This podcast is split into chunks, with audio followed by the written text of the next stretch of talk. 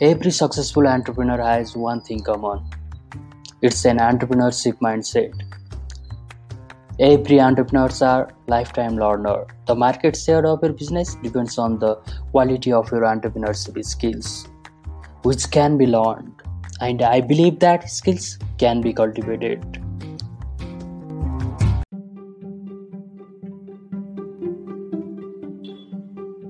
We cloudalya.com team introducing the Startup Secrets podcast series, hosted by me Nabin Adhikari, CEO of cloudalya.com and host of Startup Secrets.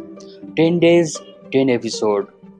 Each episode can be completed in 10 minutes.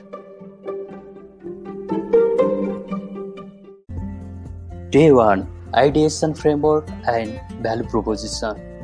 Day 2 Mission, Vision, and Culture. Day 3 Go to market strategy.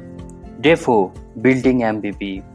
Day 5 Iterate failure and rejection.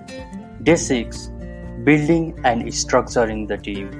Day 7 Finding the strong business model. Day 8 Turning product to legal company. Day 9 Managing finance and funding. Day 10 Scaling and automation.